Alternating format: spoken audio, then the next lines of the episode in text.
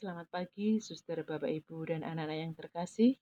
Sebelum mengawali kegiatan kita sepanjang hari ini, marilah siapkan hati dan pikiran kita untuk berdoa dan mendengarkan sabda Tuhan.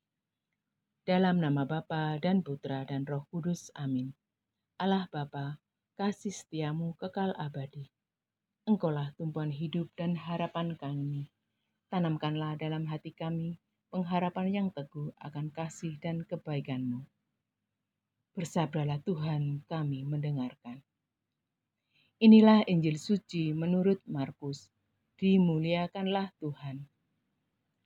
Pada suatu hari, serombongan orang Farisi dan beberapa ahli Taurat dari Yerusalem datang menemui Yesus.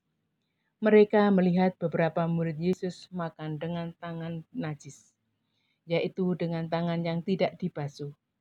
Sebab orang-orang Farisi, seperti orang-orang Yahudi lainnya, tidak makan tanpa membasuh tangan lebih dulu, karena mereka berpegang pada adat istiadat nenek moyang dan kalau pulang dari pasar, mereka juga tidak makan kalau tidak lebih dahulu membersihkan diri. Banyak warisan lain lagi yang mereka pegang, umpamanya hal mencuci cawan, kendi, dan perkakas tembaga.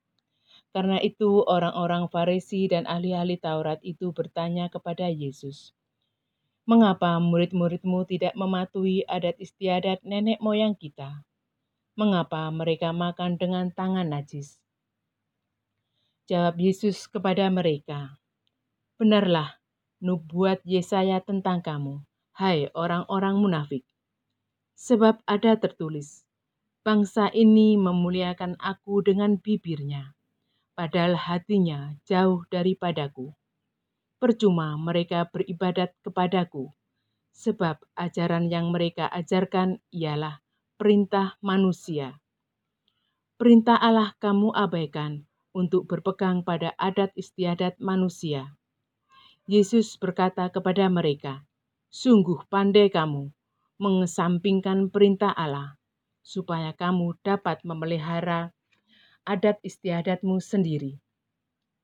Karena Musa telah berkata, Hormatilah ayahmu dan ibumu, dan siapa yang mengutuki ayahnya atau ibunya harus mati. Tetapi kamu berkata, kalau seorang berkata kepada bapa atau ibunya, "Apa yang ada padaku yang dapat digunakan untuk pemeliharaanmu sudah digunakan untuk kurban, yaitu persembahan kepada Allah." Maka kamu membiarkan dia untuk tidak lagi berbuat sesuatu pun bagi bapa atau ibunya. Dengan demikian, sabda Allah kamu nyatakan tidak berlaku demi adat istiadat yang kamu ikuti itu dan banyak hal lain seperti itu yang kamu lakukan. Demikianlah sabda Tuhan.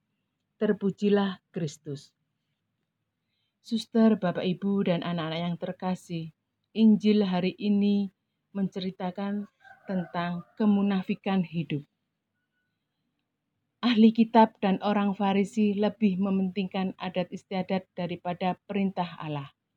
Mereka menganggap najis apabila mereka tidak mencuci tangannya sebelum makan. Menurut Yesus, kenajisan itu bukan yang bersifat lahiriah, tetapi yang bersifat rohani.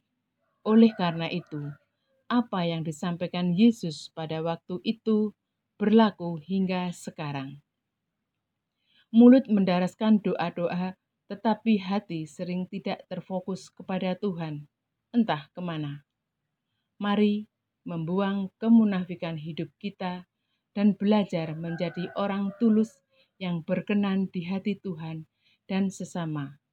Amin.